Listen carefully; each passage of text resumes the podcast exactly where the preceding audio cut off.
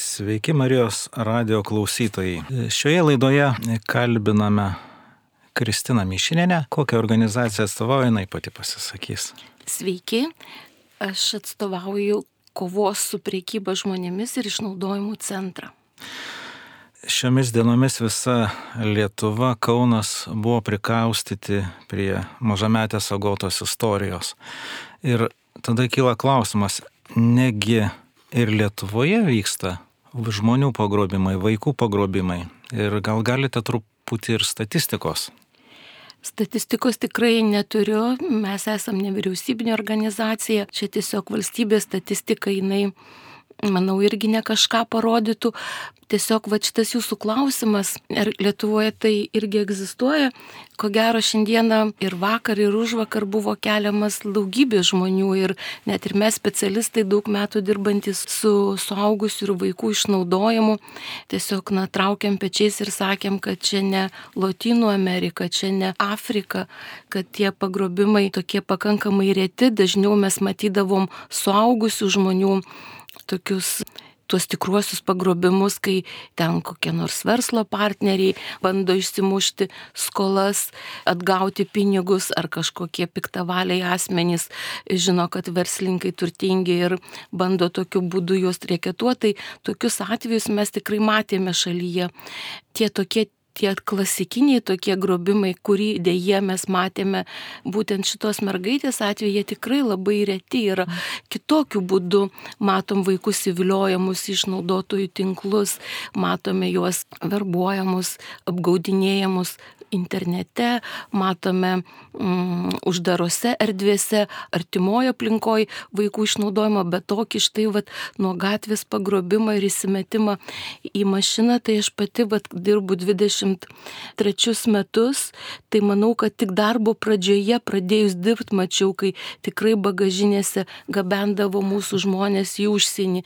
Tai tikrai tokie atvejai yra labai sukrečiantis. Dabar Čia mes kalbėjom apie mažamečių, nepilnamečių vaikų pagrobimo atvejį. O kaip vyksta su suaugusiais? Tai kaip minėjau, dažnai vat, matome kažkokius tarpusavio aiškinimosi momentus, ar ten tiesiog kažkas kažkam yra skolingas, ar, ar žinoma, kad turi sąskaitoj pinigų ir tokiu būdu planuojama išpirką gauti. Na, tokie uždarimai, uždarimai e, ir neleidimai išeiti iš patalpų, jie egzistuoja, bet jie dažnai juos matome kaip dalį proceso. Kažkokio ten kažkas va ten atėjo, buvo ir staiga nebeišleidžiamas išeiti. Tai tokie momentai yra, bet kaip minėjau, kad, na, tokie vat, tikrai gatviai pagrobimai, tai nematom suaugusių tokių, bent mes negirdim apie juos. Paprastai mūsų mažoji tikrai nedideliai šaly, nevyriausybinės organizacijos jos sužino apie panašius įvykius. Tačiau aš manau, kad būtent prieš vaikus lengviau tokio pobūdžio nusikaltimą tiesiog yra įvykdyti. Suaugęs, jeigu jisai ten neapsvaigintas, jeigu jis ar ji ten nesužeistas jie gali priešintis, jie gali kažkokią valią parodyti, vai su vaiku nieks ten labai daug nekalba.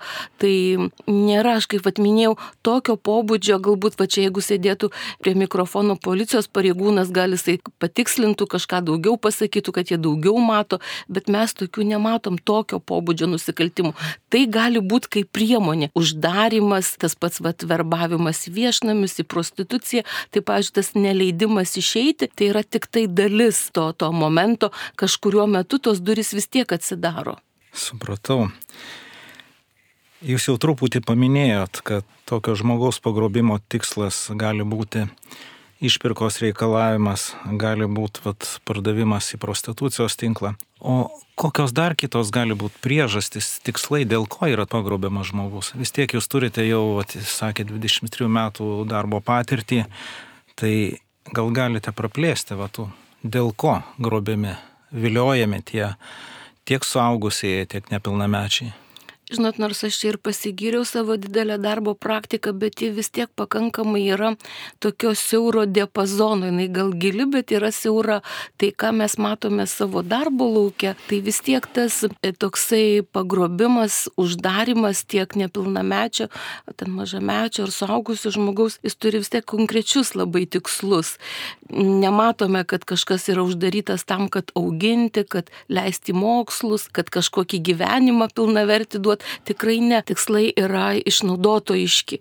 Ir galima kalbėti apie kažkokius tai, na, to žmogaus, kuris vykdo tokius momentus, galima kalbėti apie jo psichinę būseną, apie jo jausmus, jis dažnai būna vedinas kažkokių tokių, na, iliuzijų, klėdesių, pykčio, įsiučio ant viso pasaulio. Ir kad jis dabar va štai savo galę parodys silpnesniam žmogui, vaikui ar suaugusiam. Tai tie tikslai vis tik tai, na, mes tikrai juos matome, dažniausiai būna seksualinis išnaudojimas, fizinis susidorojimas, noras pažeminti, galbūt ir, ir patį žmogų, arba jo artimuosius, arba jo draugus. Tai praktiškai va tie keli atvejai, kurie man žinomi ir apie kuriuos aš dabar galvoju, tai tikrai ten tie uždaryti žmonės buvo laikomi ten surišti labai nepatogioj būsenoje, ten padėti, daug kas neleidžiama, neduodama šaltyje. Tai va tas toks galios demonstravimas, jis dažnai užpolikų yra labai svarbus, kad galbūt savo gyvenime jisai, na, jis yra niekas, nulis, dėja turiu tai pasakyti. Ten galbūt su juo nesiskaito, patiria patyčias, bet štai dabar jisai turi ant to vat, uždaryto objekto, to žmogaus kito didžiulę, didžiulę galę. Jis valdo jo gyvenimą. Deja, turiu pasakyti, kad seksualinis išnaudojimo tikslas yra neretas iš viso ten, kur fizinė agresija, nestabdoma fizinė agresija, kur yra galimybės žeminti kitą žmogų, tyčiotis iš jo, labai dažnai tie, kas daro tokį nusikaltimą, kas atlieka tokius veiksmus, jie atlieka ir seksualinius veiksmus su savo objektu. Ačiū Jums. Beklausant, ateina tokia mintis, jūs čia vat, kalbate, kada pagrobimas yra įvykdomas tam, kad pademonstruoti savo galę, bet jeigu tas pagrobimas padaromas, nu, pavadinkim, kabutėse komerciniais tikslais, tai yra tą žmogų ar tą asmenį parduoti į kažkokį tai seksualinį tinklą, ar pagaliau dar baisus dalykas organų donorystėj, ar tokiu atveju tekia girdėti Be abejo, tekia girdėti, tačiau Lietuvoje neturime oficialiai identifikuotų prekybos organais atvejų girdime iš kolegų dirbančių kitose pasaulio šalyse apie tokius atvejus, tačiau Lietuvoje to nesame matę. Ir šiaip, žinot, šitas darbas jis labai išmokina nekurti kažkokių samokslo teorijų, kažkokių versijų. Ir iš kitos pusės taip pat suprantame, kad na, ne viską institucijos gali identifikuoti, ne viską gali atpažinti, ne visi nukentėjusiai pasisako, kad jiems kažkas atsitiko. Šiaip priekybų žmonėmis tomis formų Lietuvoje yra pakankamai daug ir dažnai, vad, kai auditorijos paklausė, na, tai kokios yra priekybos žmonėmis formos, tai dažniausiai visi kalba apie prostituciją, seksualinį išnaudojimą ir aš tikrai su tuo sutinku, kad tai yra, na, aš kaip pradėjau dirbti, tai praktiškai šita forma vyravo, vienintelė buvo. Ir labai įdomu, kad šiandien Sąjunga, jinai, kai skelbė savo statistiką kiekvienais metais, tai šita išnaudojimo forma yra lyderiaujanti, praktiškai nepalieka pirmos vietos Sąjungoje. Lietuvoje mes turim truputėlį kitą vaizdą. Čia turime daug ir darbinio išnaudojimo, kaip priekybo žmonėmis. Ir dar viena forma, kurioje irgi, tarp kitko, labai daug fizinio smurto, agresijos, tokio žmogaus sunaikinimo, susidorojimo yra, tai yra įtraukimas į nusikalstamas veikas. Ir aš tikrai didžiuojuosi mūsų šalimi, kad šita forma prieš kelis metus buvo įtraukta į baudžiamą į kodeksą, kad vis tik tai, aišku, ne, ne visas įtraukimas į nusikaltimus yra priekyba žmonėmis, tačiau mes tikrai matom ypač tos visos gaujos gaujelės, kurios ten e, ieško na, rankų, kojų, kas galėtų atlikti nusikaltimus ir kurie įtraukia jaunus dažnai žmonės labai tokius pažeidžiamus, nesugebančius atsispirti jiems. Tai šita forma yra Lietuvoje labai paplitusi dėja. Negalėčiau pasakyti, kodėl jinai tokia lyderiaujanti yra. Matome daug sulaužytų jaunuolių likimų. Daugumoje čia kalba eina apie vyrus, berniukus, tarp kitko yra ir smarkiai vyresnio amžiaus žmonių įtraukiamų į nusikaltimų atlikimą. Tai šita forma, bet štai yra pas mus tokia pakankamai populiari prieš pandemiją matėme dar taip pat fiktyvių santokų tokį, e, kaip pasakyti, na ne tai, kad bumą, tai būtų per stiprus žodis, bet tokį pakilimą, kai buvo ieškomos fiktyvios nuotakos tam, kad trečio pasaulio šalių piliečiai galėtų legalizuotis ES. Tai ten irgi tas išnaudojimas pakankamai didelis buvo susijęs ir su seksualinė prievarta, kitokiu žmonių išnaudojimu, tačiau pandemija truputėlį apramino šitą formą, nors pastaruoju metu jinai vėl atgimsta, dabar moterys jau nebeišvežamos tom fiktyviom santokom sudaryti, buvo Junktinė karalystė ta tokia šalis, dabar čia jau mūsų šalyje jos ieškomos ir čia yra sudaromos tos netikros santokos. Dabar mes kalbam apie tai, kad grobiami ir išvežami iš Lietuvo žmonės, o atvirkštinis variantas, kada į Lietuvą atvežama. Kaip tai yra plačiai paplitę Lietuvoje? Jūs labai tiksliai pastebėjote, iš tikrųjų mes tampame jau ir tikslo šalimi. Reiškia, tikslas išnaudoti atvykstančius e, migrantus. Tai Kol kas šalis dar to nepripažįsta kaip labai didelės problemos, bet mes nevyriausybininkai jau mušame pavojaus varpais, matome, kad ypatingai pažeidžiami žmonės, nu ką reiškia pažeidžiamas migrantas, jis nemoka kalbos, jis nežino įstatymų, jis neturi čia palaikančios bendruomenės, jis yra vienas kaip pirštas ir jį praktiškai kas jį nori, tas jį apgauna. Tai tikriausiai visi pastebėjo, čia nepasakysiu kažkokios dalies naujienos, mūsų šalyje yra tikrai didelis skaičiai atvykusiųjų iš centrinės Azijos, iš pietų Azijos žmonių. Įsivaizduokit, mūsų mažoji šalelė, kur, nu, va tokia maža šalis, Baltijos jūros kranto, mes štai nevyriausybinė organizacija, mums teko padėti žmonėms atvykusiems pas mus iš Kambodžos, iš Kinijos, iš Vietnamo, iš Tailando. Atrodo, iš Nepalo, atrodo, na, kokie čia vėjus atnešė, bet vis tik tai, jeigu domėtis tą šio laikinę politiką, e, kas vyksta pasaulyje, tu matai, kad didžiuliai žmonių srautai priversti judėti iš savo šalių, žmonės bėga nuo skurdo, nuo karo, nuo, nuo kažkokių kitokių problemų, ieško e, vietos, ES visiems atrodo kaip, na, kažkokia tai karalystė, kurioje visi turtingai ir, ir laimingai gyvena ir kad štai čia tu užsidirbsi tą pinigėlį ir atvyksi atvyksta į mūsų šalį ir taip jie Tikrai ne visi, tačiau dalis migrantų, jie tampa godžių, tokių, na, aš net nebijau to žodžio pasakyti, vergvaldžių, vietinių vergvaldžių išnaudojimo objektais. Primenu klausytojams, kad kalbiname kovos su priekyba žmonėmis ir išnaudojimo centro vadovę Kristiną Mišinėnę. Ką, Kristina, galėtumėte apie savo nevyriausybinę organizaciją papasakoti, kuo jinai užsimė, ką jinai veikia, ką jinai daro? Na, pagrindinis mūsų mandatas, kaip aš jį vadinu, dėl ko mes susikūrėme ir dėl ko mes iki šiol gyvuojame, tai yra padėti jau nukentėjusiems asmenims.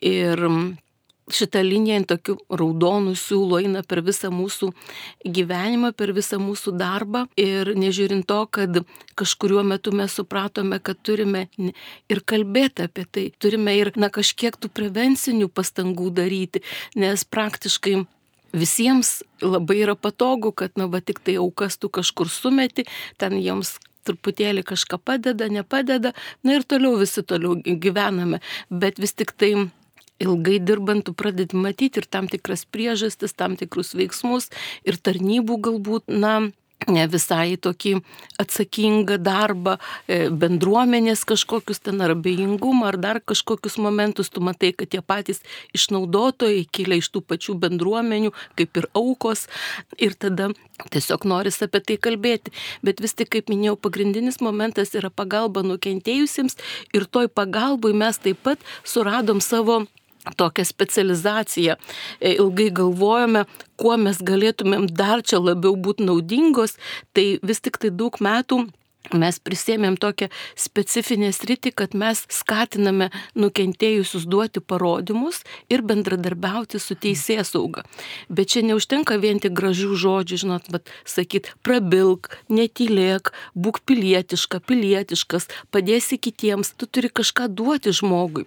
Tai tas davimas mūsų atveju, kaip mes apsisprendėm, kad mes suteikiame teisinę pagalbą, konkrečiai ieškome advokatų, samdome advokatus, turime turime galimybę dalyvauti teisiniam procese nuo pat pareiškimo parašymo pradžios iki teisminiam tyrimė. Aukų direktyva, kuri tapo privalomų dokumentų ES, atrišo rankas va tokio pobūdžio organizacijom kaip mes, mes galim dalyvauti uždarose teismų procesuose kaip lydintieji asmenys šalia nukentėjusių. Tas yra labai svarbu, nes iš tikrųjų žmonėms labai reikia palaikymo, reikia, kad kažkas būtų šalia tam baisiam, sudėtingam procese. Na ir pasibaigus proceso, tikriausiai žinot, kad priekyba žmonėmis ji mūsų šalyje pereina to nusikaltimo, na, teisminis nagrinėjimas pereina visas tris teismo instancijas, praktiškai neprisimenu nei vieno proceso, kur teisiami priekeiviai žmonėmis būtų sustoję kažkur tai ties apeliacija, visada į kasaciją eina, tai trunka metų metais ir dėl to, na, mes tiesiog apsėmame dažnai atstovauti tą žmogų, kad, na, kuo mažiau jį varginti, kad ir tie priteisti pinigėliai, ten kompensacija, kad gautų, pakankamai sudėtinga gauti tą kompensaciją, ten vienas kitas tūkstantis priteisiamas kaip moralinė žala, tačiau net ir jie atsiimti yra reikalų, ten daug visokių popierių reikia pildyti, tai mes dažnai darome tą už žmogų. Tai, na, va toks mūsų indėlis į tą teisingumo siekimą, aš manau, jis yra pakankamai mum didelis krūvis, nes iš tikrųjų, na, ką reiškia samdyti advokatą, tai aišku, mūsų mokami honorarai ne iš tolo, ne neprilyksta nu, nusikaltelių pusės advokatų honoraram, bet vis tiek per tiek metų sugebėjom suburti ir advokatų grupelę, kurie supranta apie traumą, žino, kaip kalbėti su aukomis, žino, kaip atstovauti jas teismuose. Aš manau, tai yra svarbu, nes vis tik teisingumo siekimas ir pasiekimas teisingumo yra irgi prevencija savotiška. Vat nebaudžiamumas, jis tarp kitko atriša rankas labai smarkiai nusikaltimą darantiem asmenėm. Ir dažnai, vat, kai nusikaltėliai turi tą auką sučiupę, jie aiškina jai, kad tu niekam nerūpi, žinok, tu manai, tu čia kam nors svarbi, nieks tavęs neieškos. Ir e, mes ten nupirkę čia pareigūnus, prokurorus, čia, žinok, teisingumo tu niekad nepasieksi. Tai va būtent paneigti šitą nuomonę, padėti tam mažam, mažam stumtam ten visų apspjaudytam ten cigaretės į kūną gesina, taip toliau, žmogui yra labai svarbu. Aš manau, kad tai irgi parodimas bendruomeniai, kad, na, visi yra lygus, kad visi rūpi. Tai, nu, bet aišku, žinot, čia kalbėti yra viena, va, to, šitam gražiam radijoje, tačiau yra labai sudėtingas momentas, nes tu dažnai matai, kad kam tu turi mesti pirštinę, tu matai, kad stebuklingų būdų, kažkokiu būdu tie priekeiviai žmonėmis nusikaltėliai sugeba samdytis geriau geriausius Lietuvos advokatus, jie turi labai, na, kaip pasakyti, savo tą infrastruktūrą tokią išvystytą didžiulę ir tai yra procesai sudėtingi, bet turime daug ir sėkmės atvejų. Vat pasakėte sėkmės atveju, gal galite pasidalinti kokią istoriją? Kad tų istorijų iš tikrųjų, iš tikrųjų yra, lab, yra pakankamai daug. Nėra pačių priekybo žmonėmis atvejų labai daug Lietuvoje, ir nuteisimai, ir pasiuntimai priekeivių žmonėmis už grotų yra jau sėkmė, bet neretų atveju ir iki teisminio tyrimo pradėjimas jau yra sėkmė. Ir, pavyzdžiui, šiandieną mes turime, galbūt visuomenė nelabai ir pastebėjo, gal nelabai čia teisės sauga ir gyrėsi tuo, tačiau vakarų Lietuvoje turime šiuo metu vykdomą vieną didžiausių iki teisminių tyrimų iš viso nuo nepriklausomos Lietuvos istorijos, kai organizuota grupuotė veikusi plungiai ir veikus daugybę metų, ne metus, ne du ir ne tris, verbavo vyrus tiesiog va darbam, ten buvo skelbimai laikraščiuose, kad darbas ten medienos kokiuose fabrikuose, lentpjuvėse, Airijoje daugybė žmonių palikę šeimas, palikę ten tiesiog savo gyvenimus, jie galvojo, va užsidirbti tą pinigėlį vyko ir iš karto patekdavo labai žiauriai gaujai į nagus, gaujai, kuri prekiavo narkotikais. Įsivaizduokit, tu atvažiuoji va dirbti kažkokius, nu, va tokius darbus ten kokius kokioj lentpjūvė ir dar kažkokiam fabrike. Ir tu va tave sumuša pirmą naktį, įduoda ten tuos narkotikų rutuliukus, kuriuos tu turi ten burnoj laikyti. Ir tave siunčia į mokyklas, į jaunimo pasilinksminimo vietas, tu tampi narkotikų priekeivių.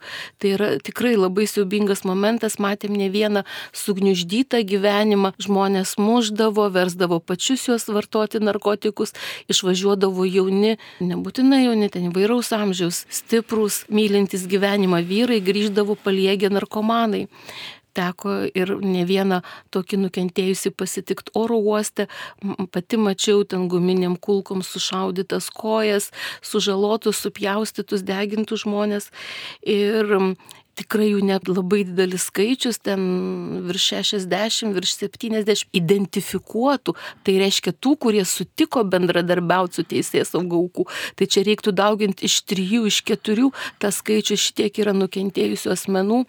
Jie ne vienas vyras tai priliko kažkur ten Belfasto ar Dublino gatvėse klajoti, nes buvo patys versti vartoti narkotikus, ne vienas jų buvo sulaikytas ir įkalintas už priekybą narkotikais tose šalyse, bet tikrai labai noriu pasidžiaugti, kad štai mes turime tokią teisėsaugą, turim specializuotą prokurorą toj pačioj vakarų Lietuvoje, Klaipidoje, turime stiprią kriminalistų komandą Klaipidoje, kurie sugebėjo išpainioti visą šitą nusikaltimą ir pradėtas labai didžiulis ten jungtinis su kitom šalim tyrimas.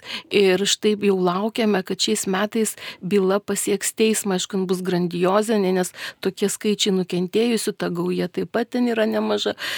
Čia bus didelis sukrėtimas ir net logistiškai, kur tokias sales rasti teismo, bet aš manau, tai yra labai didelis momentas, kai mes tokiam, bet atrodo, na, priekyba narkotikais, kokios čia aukos, o žiūrėkit, kokiu būdu patenka žmonės, va, į tokį baisų išnaudojimą, per, visiškai per apgaulę, per manipulacijas, visi buvo labai žiauriai mušami, ten laikomi uždaryti beje, jiems neleidžiama pasitraukti ir kad, va, priversti žmogų, kuris ką tik tai dar vakar gyveno pilnavertį gyvenimą, šiandien paversti į paklusnių vergų, tai iš tikrųjų labai žiaurios priemonės buvo pasitelkiamos. Tai, nu, galbūt čia taip ir keistai skamba, bet aš tikrai tai laikau sėkmės istorija, kad pradėtas tas tyrimas ir tyrimas keliauja į teismo salę jau.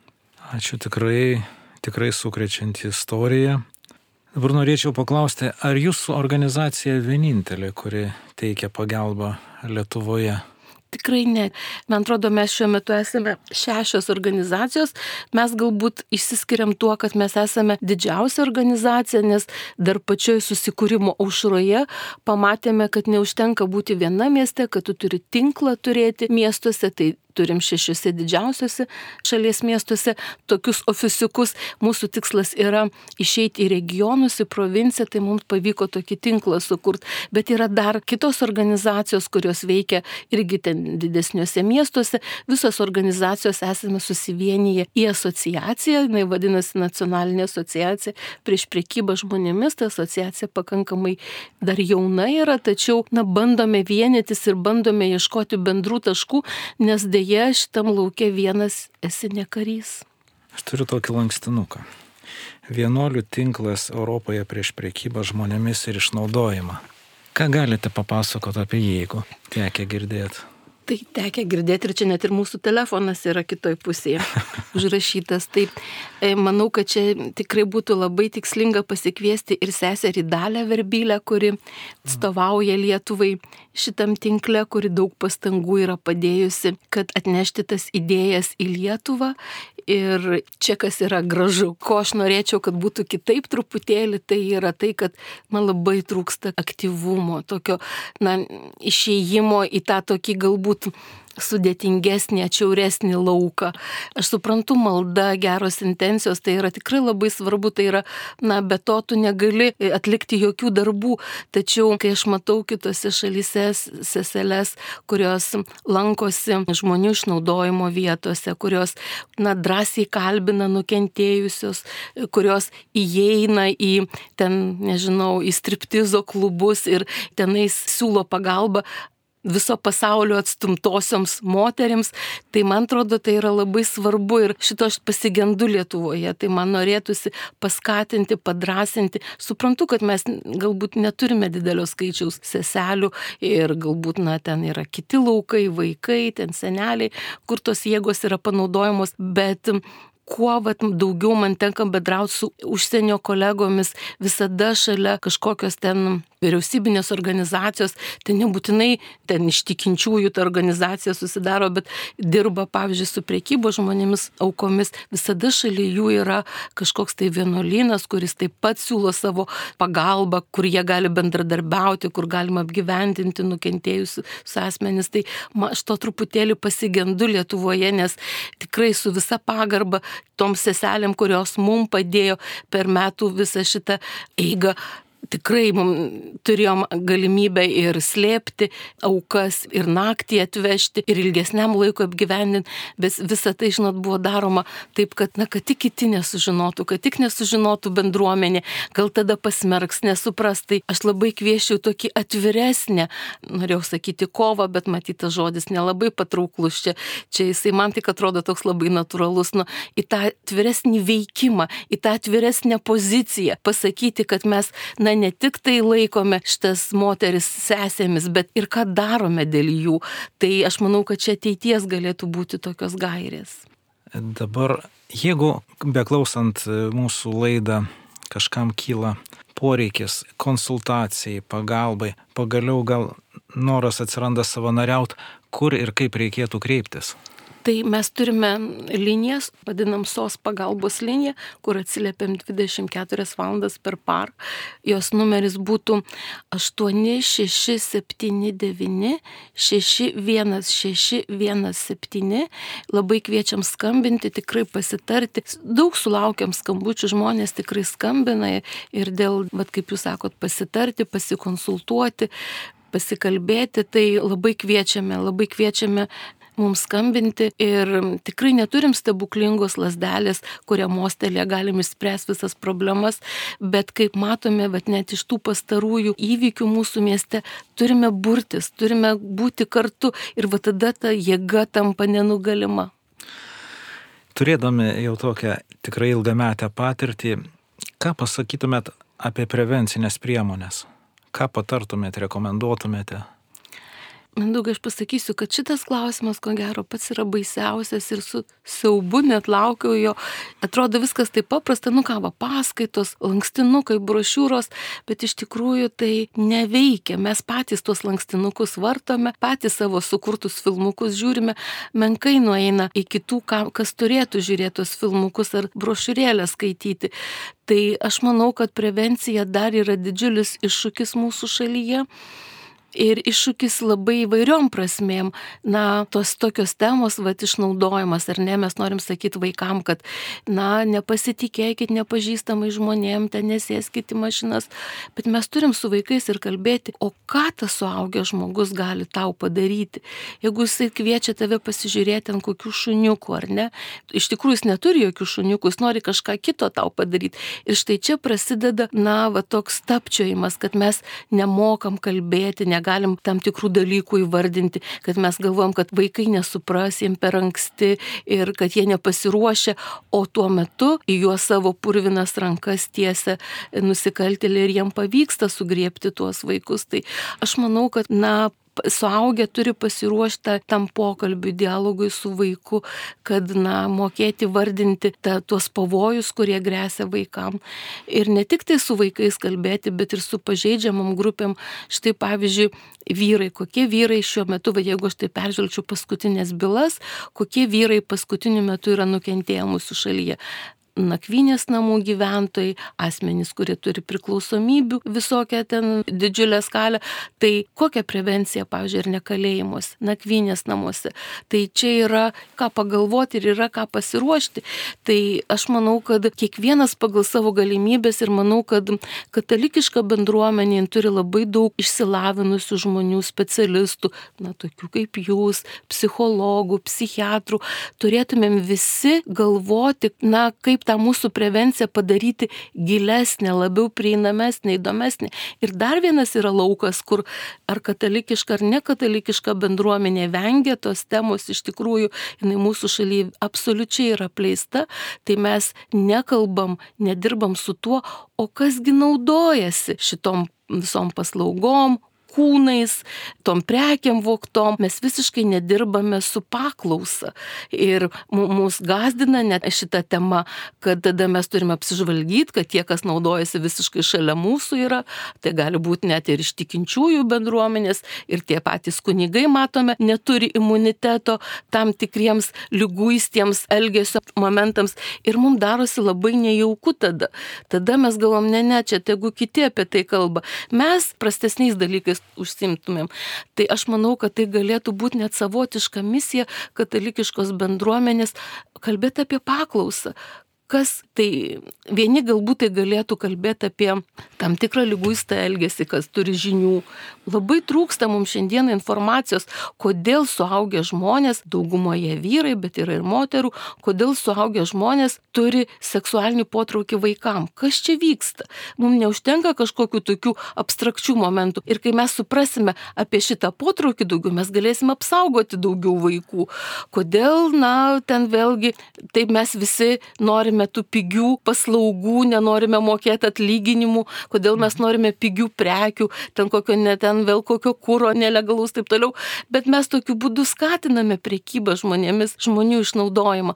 Tai aš manau, kad va, kalbėti apie paklausą, tai būtų irgi labai didelis prevencinis momentas.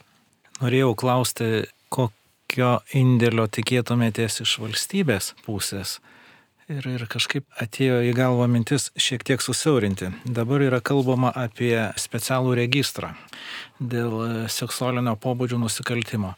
Kaip Jūs manytumėt, kiek tai pagelbėtų, kiek tai būtų naudinga?